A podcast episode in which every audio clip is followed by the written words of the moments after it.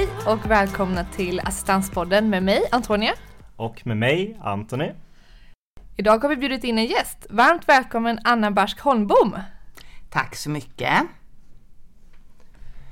Du Anna, kan du presentera dig lite kort och berätta lite om dig själv för lyssnarna? Mm.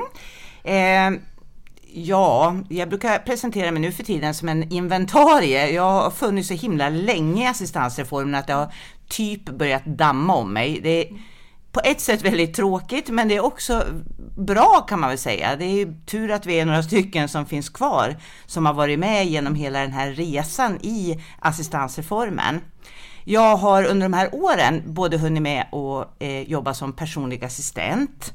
Jag har varit verksamhetsansvarig för ett brukarkooperativ. Jag har varit arbetsledare för två olika personers assistans. Eh, jag har varit verksamhetsansvarig för intressegruppen för assistansberättigade och idag driver jag sedan 2012 ett företag eh, ABH Utbildning och rådgivning som jobbar med att egentligen i första hand ge, ge stöd till anordnare av personlig assistans. Det händer att jag går in och jobbar med, med överklagningar och sådana saker, men det mesta är stöd till verksamheter. Men hur kommer det sig att du är så intresserad av just jobba med det här området? Ja, det, det börjar för jätte, jättelänge sedan. En sak som jag faktiskt inte sa som, som jag har varit med om, det är att jag också har varit anhörig till en person som hade personlig assistans. Min mamma hade det. Och då tänker man ju lätt att jaha, det är därför. Men se, så var det faktiskt inte. Eh, jag kommer ursprungligen från Sundsvall. Eh, och där bodde jag fram till dess att mitt eh, mittersta barn var alldeles nyfött. Då flyttade jag ner till Skåne och tänkte att jag skulle bo där istället. Eh, och det gjorde vi just därför att min mamma hade MS och tyckte det var besvärligt med de sundsvallska vintrarna. Eh, när vi flyttade ner dit då så var jag eh, ensamstående och hade ett litet barn, eh, två barn, två små barn faktiskt. Och var tvungen att börja söka jobb. Och hittade en annons i, i en tidning där det stod att söker du ett spännande arbete? Eh, och det lät ju jätteroligt så jag sökte och fick jobbet som personlig assistent. Och det var alltså redan 1900 89, långt innan lag om stöd och service till vissa funktionshindrade hade kommit. Mm. Det var inte ens påtänkt. Mm. Eh, och den här mannen som jag jobbade hos då som personlig assistent, eh, han var den som väckte mitt intresse. För jag var så otroligt fascinerad över att en person som hade så omfattande funktionsnedsättningar som han hade, eh, kunde leva ett sånt otroligt rikt liv. Och nu hoppas jag att ni hör alla fördomar jag hade här från början. Jag menar, varför skulle han inte ha ett rikt liv? Men det här var, det var mina första kontakter med personer som hade så omfattande funktionsnedsättningar. På den tiden, det här är ju jättelänge sedan idag, så var det inte så många som till exempel levde i sina hem och hade respiratorer. Mm. Och det hade han. Eh, han hade respirator. Eh, han var ganska gammal. Han var alltså typ 35-40 år. Mm. Han bodde fortfarande i sitt hem eh, därför att han kunde inte flytta hemifrån. Mm. På den tiden var det ingen självklarhet i att man skulle få det stöd som man behövde från samhället. Så han bodde hemma men ville flytta hemifrån. Mm. Såklart, vem mm. vill inte det i den åldern? Eh, så han hade sökt och fått en lägenhet som var tillgänglig. Mm. Men han kunde inte flytta dit för han fick inte den personal som han behövde. Mm. Eh, det kom precis när jag började jobba som assistent till honom. Mm. Då beviljade kommunen och landstinget gemensamt så att han fick ungefär 12 timmars assistans per dag. Och det var ju jättebra, mm. förutom det att han kunde inte vara ensam en enda minut. Han hade ju respirator. Mm. Så att han eh, bodde i lägenheten på dagarna och for hem på nätterna. Jaha. Så gick det till på den tiden. Och det här väckte ju mitt engagemang. Jag var ja. ju jätteengagerad. Eh, jag fick också följa med på kurser tillsammans mm. med honom som bland annat eh, STIL anordnade. Mm. Som berättade om independent living, mm. hur man skulle kunna leva ett självvalt liv. Och, och därmed var jag ju ganska såld på den idén. Det måste ju vara väldigt, eh, väldigt svårt att veta hur man skulle få personlig assistans på den tiden. Var det vanligt? Hur gick det till? Jag tänker att det är säkert många av våra lyssnare som undrar och även, även jag är väldigt intresserad av att veta hur fungerade det egentligen? På den tiden fanns ju ingen LSS utan då fick man söka stöd i hemmet enligt socialtjänstlagen. Men man sökte det då i en assistansliknande form. Och jag tror inte att det gick till att man, det gick inte till så att man sa Hej, jag heter Bertil och jag vill ha personlig assistans. Mm. Utan jag tror mer att det handlar om att personer som var väldigt starka, som orkade stå på sig gentemot myndigheterna, gick till kommunen och krävde mer än vad kommunen ville ge. Man ville både gå på bio och eh, kunna städa sitt hem och ta hand om sina barn och så vidare. Och så gav man sig inte utan man fortsatte att strida mot kommunen mm. hela, hela tiden. Alltså man måste ropa väldigt, väldigt högt. Mm. Väldigt högt. Den som var inom Pippi Fötter besvärlig, eh, helst besvärligast. Eh, den personen kunde då beviljas den här assistansliknande insatsen. Mm.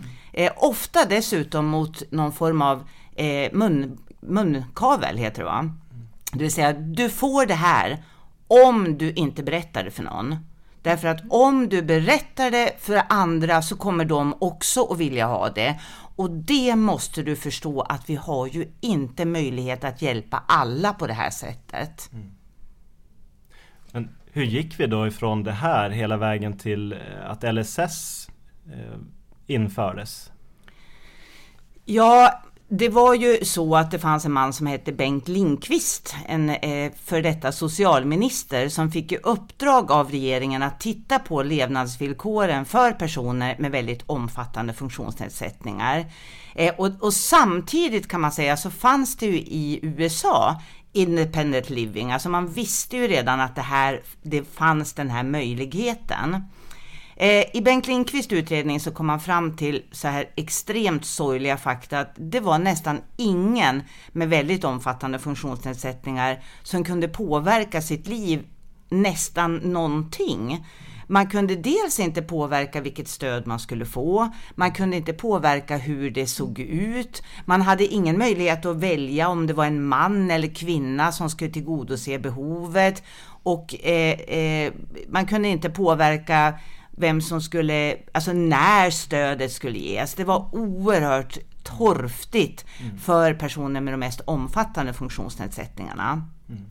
Eh, och när Lindqvist gjorde den här utredningen och det samtidigt kom rop ifrån Amerika om att ge oss ett liv som andra, mm. så började det sakta röra sig i Sverige. Men det var sakta ska man väl veta. Mm. Det är ju jätteintressant att till exempel den etablerade handikapprörelsen i Sverige som det hette på den tiden. Om det ens hette det, det har ju bytt namn några gånger. Men, men, men i alla fall, den etablerade eh, funktionshinderrörelsen, de var inte odelat positiva till personlig assistans i början.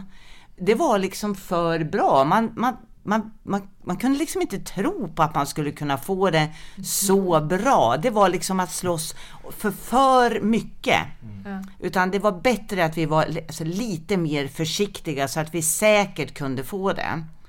Men med tiden så, eh, så blev ju rösterna allt eh, starkare för mm. den här rättigheten naturligtvis. Mm.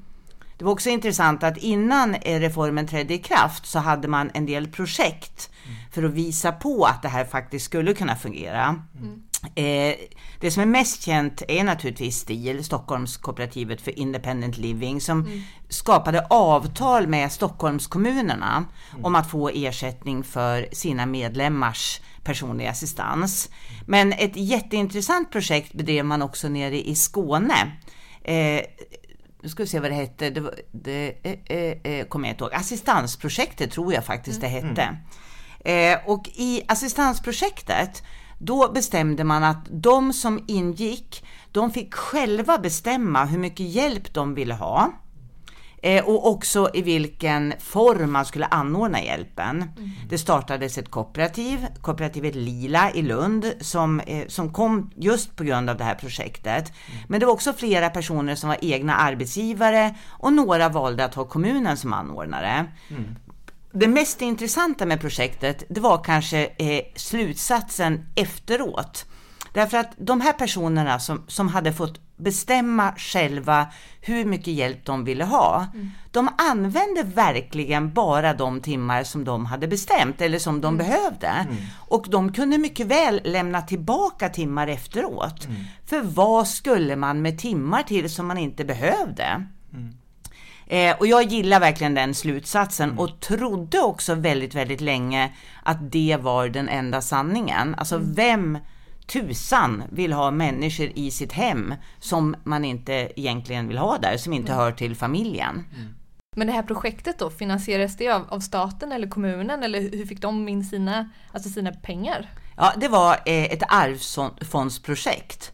Så att man, man hade sökt pengar till projektet och hade väl en uppfattning om hur många timmar som skulle gå åt naturligtvis. Eh, och det visade sig att det, det, stämde väldigt bra. Eller nu ska jag säga, jag vet inte riktigt säkert om man först bestämde vilka timmar man behövde och sen sökte arvsfondspengar. Men, men det var ett ganska stort projekt och det var ett lyckat projekt och jag brukar fortfarande peka till assistansprojektet när vi pratar framtid. För en annan slutsats som man drog eh, det var det att man, man hittade liksom en modell för hur man skulle se på behovsbedömningar. Till exempel om man inte kan ta ett glas vatten själv så behöver man assistans all vaken tid. Oerhört enkelt och elegant. Ja, verkligen. Men, men också tycker jag väldigt smart därför att mm. man tänker sig att assistansen är till för personer som, som inte kan utföra alla de här vardagliga sakerna som vi kan göra. Och att dricka vatten, det måste ju nästan tillhöra en mänsklig rättighet. Och att man får dricka det vattnet när man är törstig, inte när någon annan bestämmer att man ska få dricka. Och har du då inte förmåga och kapacitet att ta det här glaset vatten, då ska du ha assistans all vaken tid. Jag vet att det inte är så himla enkelt idag såklart, men, men jag, jag gillar att hålla fast vid den här tanken att det är så det borde vara. Men var det så i början sen när assistansen väl kom, när LSS väl infördes? Var det så man tänkte då? Man tänkte att eh, den enskilde var expert på sina egna behov. Det gjorde man. Så att jag gick till eh, den som skulle bedöma mina behov. Jag förklarade mina behov, personen lyssnade och jag beviljades de timmarna. Det var bara undantagsvis som jag inte beviljades timmarna. Så att från början, man ska inte alls säga som vissa belackare påstår att eh, brukarrörelsen såg det som ett smörgåsbord och eh, det fanns alltså mycket elaka tankar. Men så var det inte, utan jag tror mycket mer att det handlar om att i början sökte man de timmar man behövde och man fick dem. Det rådde en form av sunt förnuft på marknaden. Eh, tyvärr så höll ju det inte i sig. Jag tycker absolut att man kan läsa ut mer av den typen av intentioner om man läser framförallt de gamla förarbetena till LSS. Men, men hur har LSS då utvecklats vidare och assistansen utvecklats vidare från det? Mm. För det första vill jag kommentera det du säger med de gamla förarbetena. De gamla förarbetena är ju fortfarande förarbeten. Jag tycker att alla ska läsa dem. Eh, de finns ju att få tag i, det är ju inget svårt att hitta igen dem. Och där förklarar man så mycket mer än i de mer nyare förarbetena vad man ville åstadkomma med assistansreformen. Så att alla som vill lära sig ska börja och läsa helst Linkvist eh, alla utredningar, men sen framförallt LSS eh, förarbetet till LSS, propositionen. Det var min första lag som jag läste och jag tänkte herregud, läsa en lag, hur tråkig kan man bli här i världen? Ni var inte jurister va? Jo. jag vet att det finns mycket tråkigare i världen att läsa lagar, men det var ju inte så svårt att läsa den. Det här var ju ett förarbete och det var väldigt beskrivande och berättande och förklarade varför man ville införa rätten till bland annat då personlig assistans. Det var ju inte bara det. Och precis som du säger så var det väldigt höga intentioner. Jag älskar Bengt Lindqvist, inte Bengt Lindqvist, Bengt Westerberg som var föredragande statsråd eh, och som beskriver hur människor inte längre skulle behöva vara prisgivna åt myndigheters godtycke. Man skulle inte behöva stå och stånga sin panna blodig mot väggen för att få vad man faktiskt borde få som en rättighet. Det, det var intentionen, det var så det skulle vara. Sen hände det ju saker. Eh, verkligen. Det tog några år, men, men det jag tror hände, det var att det var så stor skillnad mellan socialtjänstlagen och LSS. De som inte fick eh, eh, tillgång till LSS, de som inte tillhörde personkretsen eller de som inte hade så omfattande behov, de fick nöja sig med socialtjänstinsatser. Och det ledde till att vi som var engagerade för människors rättigheter, vi ville ju gärna hjälpa människor in i assistansreformen. Det var väldigt viktigt att man hittade det här med grundläggande behov. Och det i sin tur ledde till att det blev saker prövade både hos enskilda handläggare men också i rätten som, som gjorde att det började sättas regler. Jag vet att väldigt tidigt så eh, försökte jag att hjälpa en kvinna som hon, hon, behövde assistans med att tvätta håret. Det var nog faktiskt bara att tvätta håret som var det här mer mm. integritetskänsliga behovet. Men det är ju också ett integritetskänsligt behov. Att ha en person nära in på sig när man ska tvätta håret. Eh, men, men den personen beviljades aldrig personlig assistans och det var som sagt väldigt tidigt.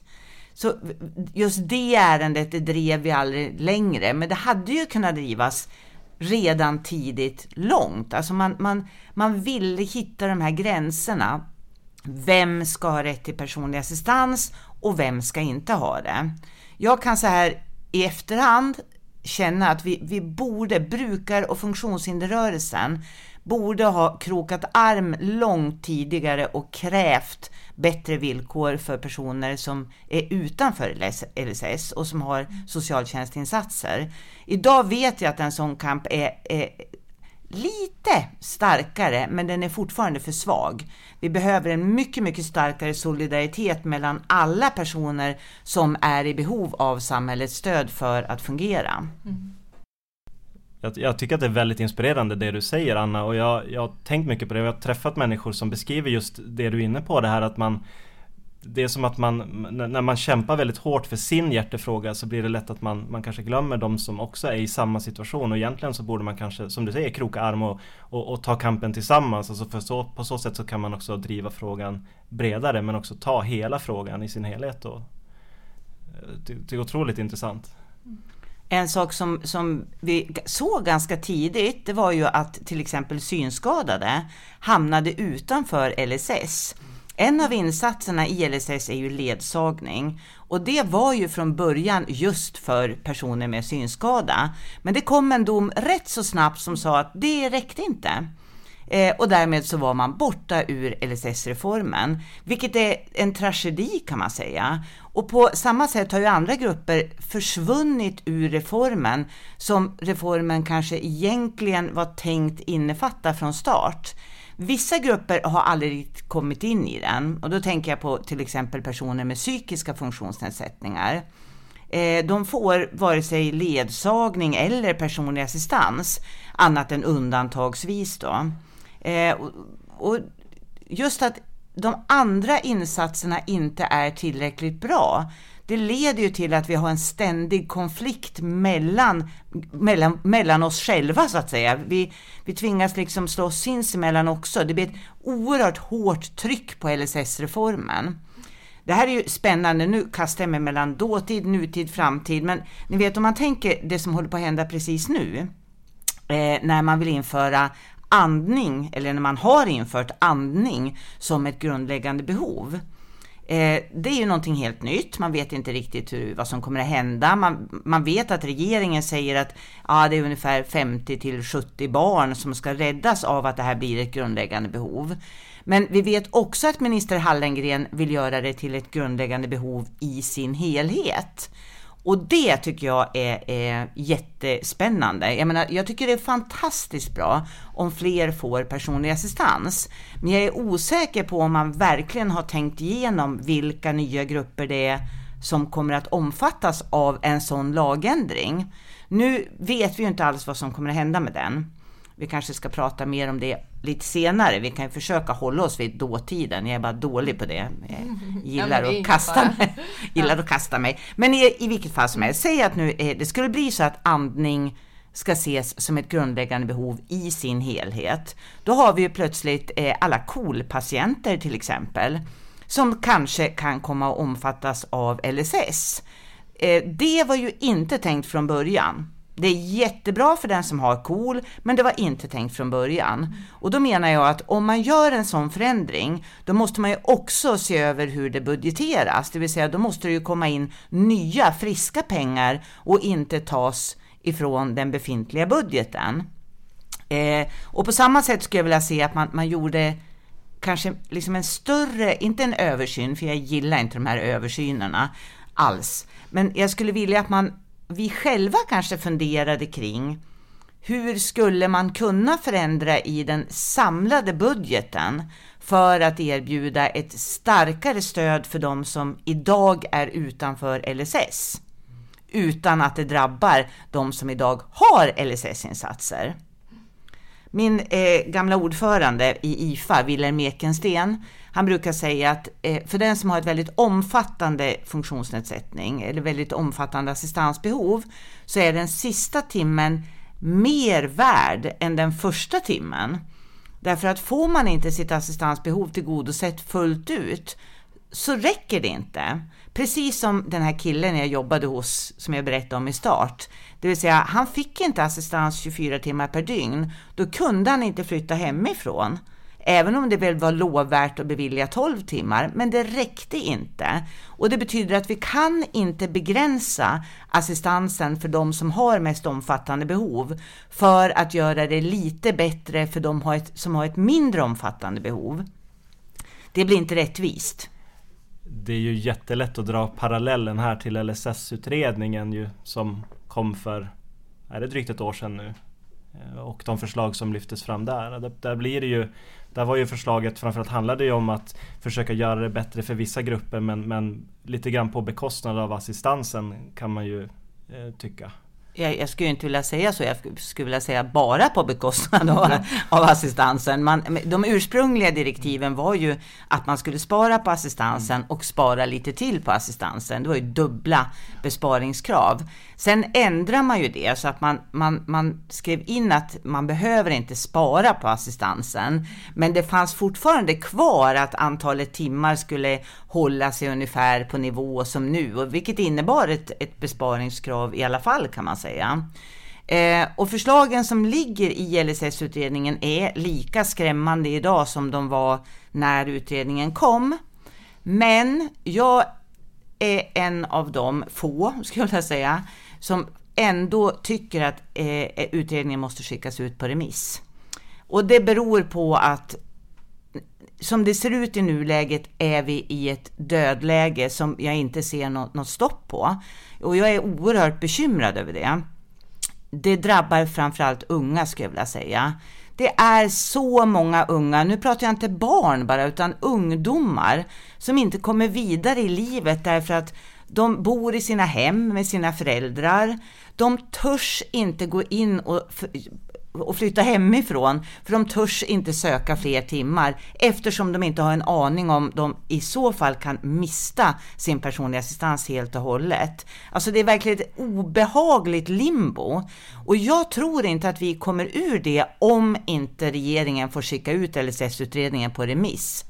Förslagen ser ju förfärliga ut. Men jag menar att i en remissomgång så finns det ju alla möjligheter för inblandade parter att tala om det för regeringen, att de här förslagen kan ni inte genomföra. Medan det finns andra förslag, till exempel förstatligandet, som är, jag tror att alla är överens om att det är ganska bra. Ja men nu när vi, när vi släpper det avsnittet så har det gått ungefär ja, lite mer än ett år sedan LSS-utredningen släpptes men ingenting har hänt sedan dess. Varför tror du att de inte skickat ut den på remiss redan? Eh, jag tror att minister Lena Hallengren vill skicka ut det på remiss väldigt mycket till och med. Hon har varit ganska tydlig med det. Eh, men man har ju januariöverenskommelsen och jag tror att det är den som lägger hinder i vägen. inte bara överenskommelsen i sig, men att de partier som ingår eh, av respekt för funktionshinderrörelsen säger blankt nej. Och det betyder att för att den ska skickas ut på remiss så skulle det behövas att någon funktionshinderorganisation eller brukarorganisation ändrar sig och säger ja till att skicka ut den på remiss. Det är väldigt intressant. Vi får ju se lite vad, vad som händer. Men förhoppningsvis då så kanske den kommer ut på remiss så man i alla fall får säga vad man tycker om den. Ja men precis. Mm. Jag, jag, tror ju att egentligen tror jag att det är ju ingen som, som är tvivlande till vad brukarrörelsen tycker. Men jag vet att i brukarrörelsen så finns det ju vissa delade meningar. Jag menar som sagt, vissa förslag är bra. Ett förstatligande gillar alla. Jag ser också en, en annan farhåga med att den inte skickas ut på remiss och det är att delar av förslagen pluppar upp vid sidan av. Till exempel så eh, presenterades Lars Lövs utredning om assist assistentens yrkesroll häromdagen. Och i den så dyker det också upp en, eh, ett förslag om att, man, att assistansanordnaren ska betala sjuklönen för schablonersättningen. Det var ju ett av LSS-utredningens förslag.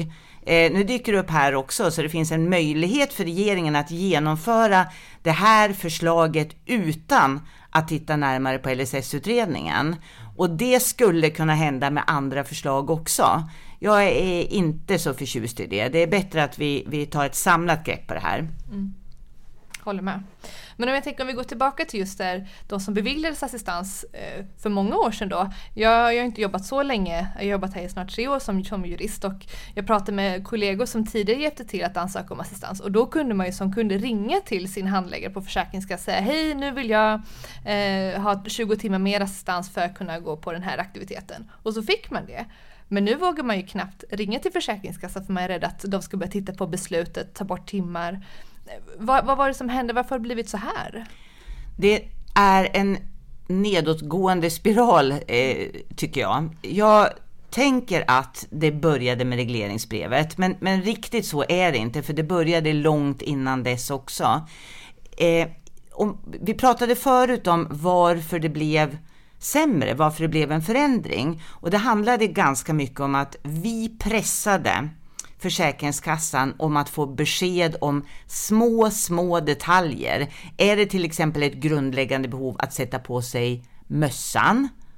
Ska det räknas in i behovet? Är, alltså jag har varit med och sett ansökningar som tar upp så små saker som kanske tar en sekund att göra. Nej, inte en sekund, men fyra sekunder.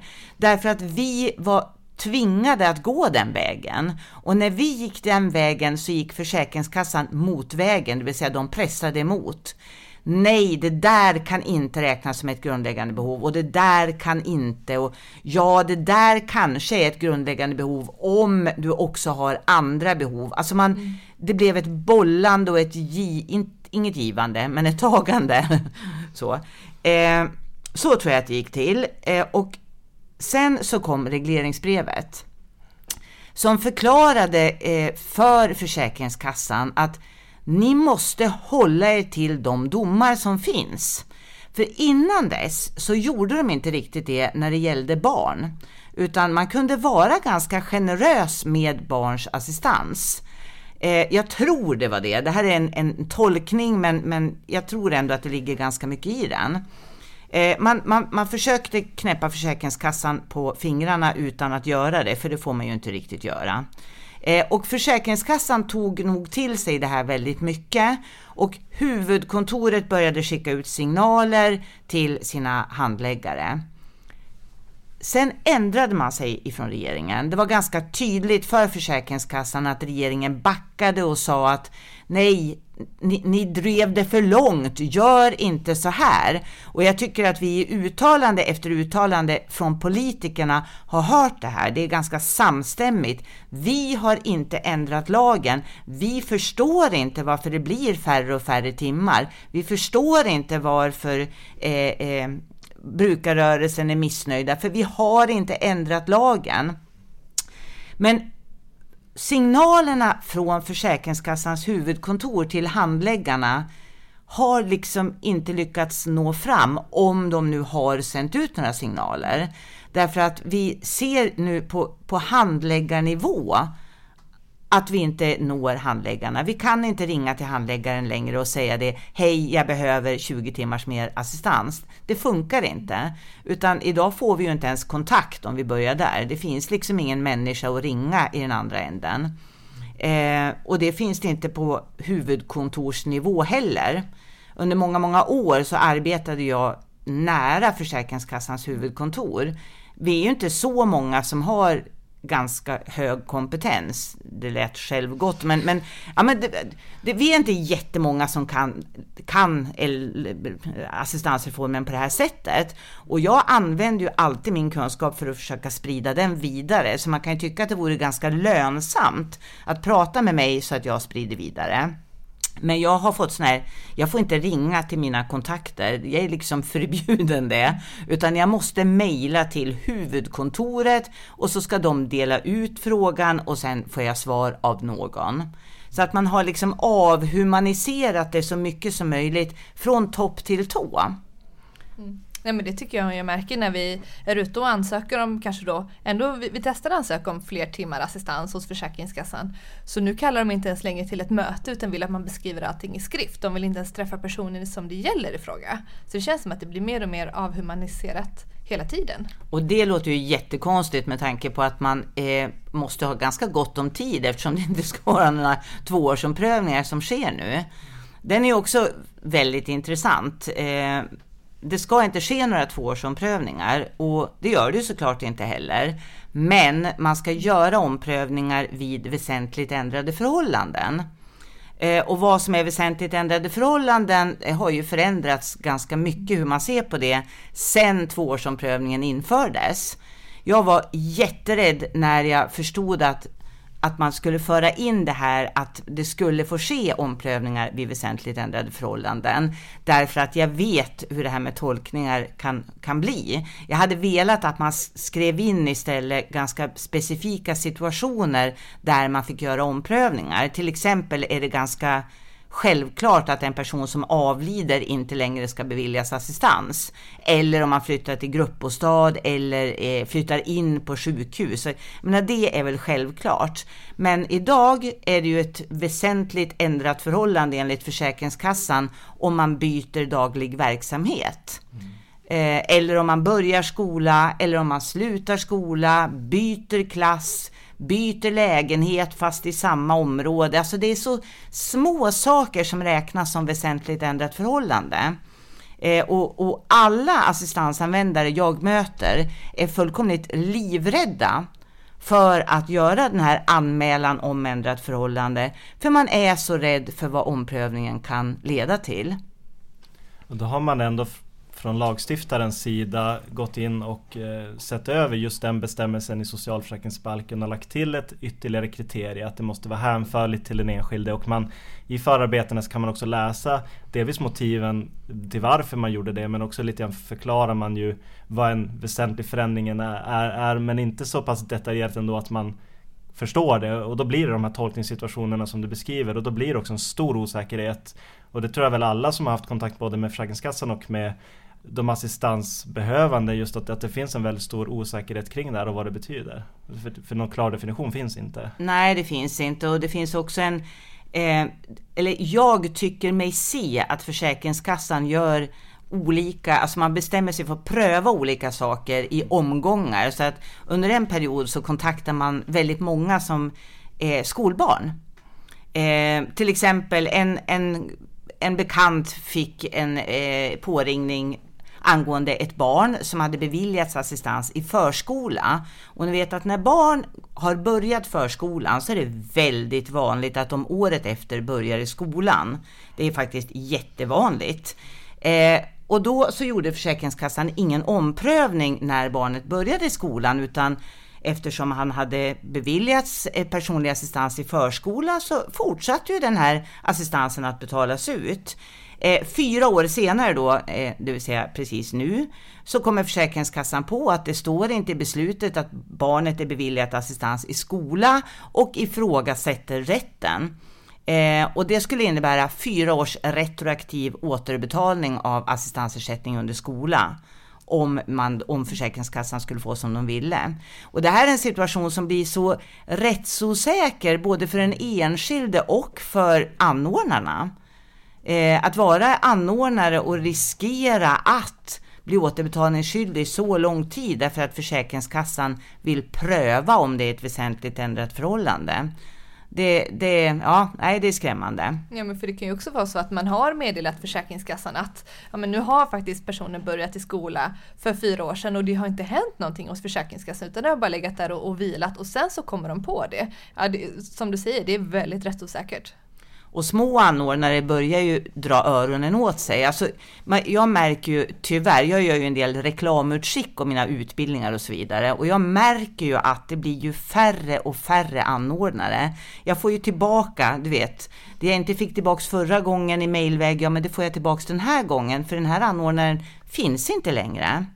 Eh, jag gjorde en, en specialundersökning, jag gjorde en rapport åt ett eh, gäng gamla anordnare för att titta på de problem som finns i assistansreformen ur ett anordnarperspektiv.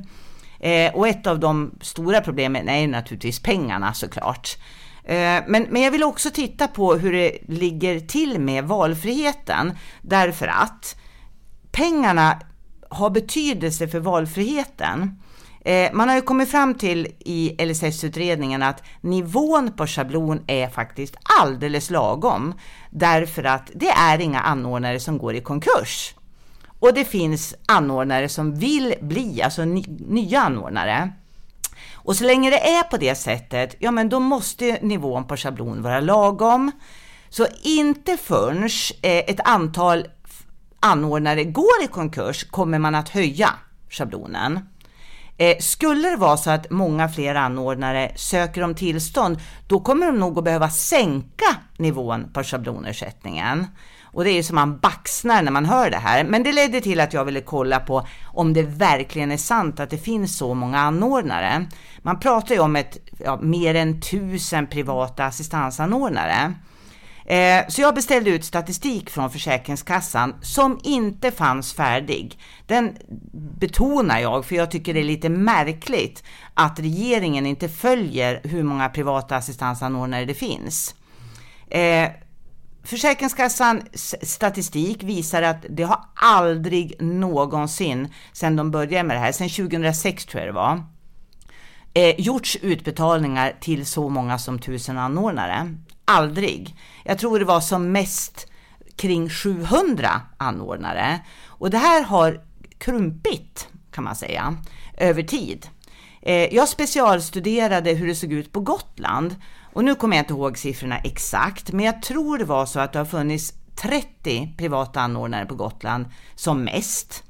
Eh, av dem hade sju gått i, eh, eller bara slutat finnas till och sex hade blivit uppköpta av andra verksamheter. Det fanns bara en enda lokal verksamhet på Gotland. En. Och det visar ju att den här valfriheten, den är ju inte så stor längre. Eh, så jag tycker, det är, jag tycker det är en viktig fråga att titta närmare på.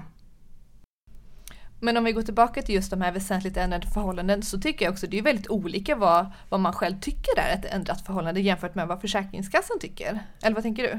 Ja, det är absolut är det ju så. Ehm, men samtidigt så är det ju viktigt att den enskilde anmäler till Försäkringskassan det de vill ha reda på, därför att annars kan man ju råka illa ut. Eh, och jag tycker det är ganska viktigt att man dels har koll på vad Försäkringskassan tycker, alltså som enskild assistansanvändare. Eh, det finns lite information på Försäkringskassans hemsida om man går in på privatperson och eh, funktionshinder och så småningom assistans. Det är inte så mycket det står, men i alla fall lite grann. Eh, och sen tycker jag man ska prata med sin assistansanordnare ifall det händer saker som, ja, som man är osäker på. Vi nämnde ju några saker, men självklart måste man ju tala om ifall ens funktionsnedsättning förändras och man behöver mindre assistans. Men också att man till exempel flyttar ihop med någon. Just det. Men om vi tänker då vi har ju pratat om att det, det, är ju svårare att få assistans nu. Det, det, ser inte likadant ut som det gjorde för kanske då 10 år sedan, 7 år sedan. Men hur ska man tänka om man har assistans idag och är i behov av att söka fler timmar? Vad ska, vad ska man tänka på då? Ja usch, jag, usch, förlåt att säga usch, men, Nej, det men jag, jag, jag, säger fortfarande till personer att alltså, överväg om du verkligen måste söka fler timmar. Det är jättesorgligt att behöva säga det, men, men det är så pass osäkert. Eh, men om, om man verkligen måste ha, det finns ju några tillfällen när det är lättare att söka fler timmar. Men känner man att man faktiskt måste ha, då ska man titta på hur ser mitt gamla beslut ut? Eh, när fattades det beslutet? Ju tidigare det fattades, desto fler förändringar, lagändringar har skett och desto större påverkan kommer det ha på det nya beslutet. Eh, titta på hur många timmars grundläggande assistans du har rätt till idag. Eh, jag skulle vilja säga att ta dem och så halvera dem eller ta en tredjedel så kanske du är vad du skulle få idag. Och det låter hårt och eländigt och drastiskt men det är tyvärr ganska sant. Det är inte alltid det är så men, men, men det är liksom så man måste tänka i alla fall. Det är så mycket hårdare bedömningar. Bara om vi tittar på hygien eh, så räknas ju idag enbart att göra sig ren. Och det är väldigt kort, korta behov kan man säga. Eh, för att förklara varför, varför det har blivit så mycket hårdare så får man ju till exempel inte räkna tiden när assistenten står bredvid personen som duschar. Eh, utan bara den tid som assistenten de facto tvålar in den assistansberättigade i duschen räknas som grundläggande behov. Så att all, alla behov har förminskats. Och när du har tittat på hur många grundläggande behov du, eh, timmars behov du kan komma upp i, så måste du också titta på dina övriga behov. Idag, eftersom Försäkringskassan har omprövningsstopp, så kommer du inte få mindre timmar om du väl kommer upp i de 20 timmars grundläggande. Den största risken det är att Försäkringskassan kommer fram till att du har inte längre behov av personlig assistans och då åker du ur den statliga assistansersättningen. Det kan hända. Ja, men i, i, min värld så tänker jag då, vad bra, då kommer man ju ner i den stora trygga kommunala famnen. Men så har det visat sig att det är ju inte riktigt så, utan kommunerna är också jättetuffa idag. Det finns en dom eh, som säger att tre timmars grundläggande behov räcker inte. Men hur många timmars grundläggande behov ska man ha då? Ja, tyvärr så är det ju många kommuner som i alla fall säger sju timmar. Sju timmars grundläggande behov. Jag hade självklart överklagat sex timmars grundläggande behov och fem timmar också, men sen börjar det bli tufft alltså. Eh, och även kommunerna gör ju mycket hårdare bedömningar över vad som är räknas som grundläggande behov. Så en del personer har ju trillat ur från statlig assistansersättning till socialtjänstinsatser. Det är därför jag är, oroar mig när man vill söka fler timmar. Har man en möjlighet att avvakta lite till tills vi vet var assistansreformen tar vägen så skulle, man göra, skulle jag göra det i alla fall. Det finns ett undantag och det är om man får ett eh, nytt behov av till exempel andning, andningshjälp, respiratorhjälp eh, som är då dygnsomfattande. Eh, visserligen räknas det inte som grundläggande behov i sin helhet, men bara du beviljas minst då de här 6-7 timmarna till kommunen eller de mer än 20 timmarna till Försäkringskassan så kommer du att beviljas all annan tid som övriga behov om du har andningshjälp. Och det är tyvärr så att det är en hel del och, men och och och om det räknas som egenvård, inte som sjukvård. Och där är vi inne också på en sån fråga som jag tror att många kanske undrar över just vad gäller egentligen kring egenvård och sjukvård? Det har skrivits ganska mycket för några år sedan, eller de senaste åren, kring just det här och det är någonting som man också prövar i förhållande till assistansen mycket. Men, men vad gäller det egentligen? Man kan säga att det finns tre olika typer av vård. Den ena, det är en egenpåtagen egenvård kan man säga. Och det är när du har varit på party på lördagkväll och på söndag går och köper en burk Trio. Det är ingenting som har med, med vården, att sjukvården att göra, utan det här kan du göra själv. Du går och köper receptfri medicin och klämmer i dig den. Eller om du sätter på ett plåster för att du ramlar. Det har liksom ingenting med vården att göra. Det ska vi räkna bort. Det kan vara övriga behov i assistansen. Det har liksom ingenting med någonting att göra. Men sen eh, gäller det då vad som är sjukvård och vad som är egenvård. Eh, jag brukar försöka dra ett exempel. Kalle han hamnar på sjukhus för han har blindtarmsinflammation. Och när han ligger på sjukhus så får han vård. Man opererar bort blindtarmen och han ligger kvar på sjukhuset ett litet tag för att få fortsatt vård. När han skrivs ut från sjukhuset så kan det hända att det finns ett kvarstående vårdbehov, till exempel att han ska äta medicin eh, och han kanske också ska se om sitt sår på magen om det, om det är någon, någon storlek på det.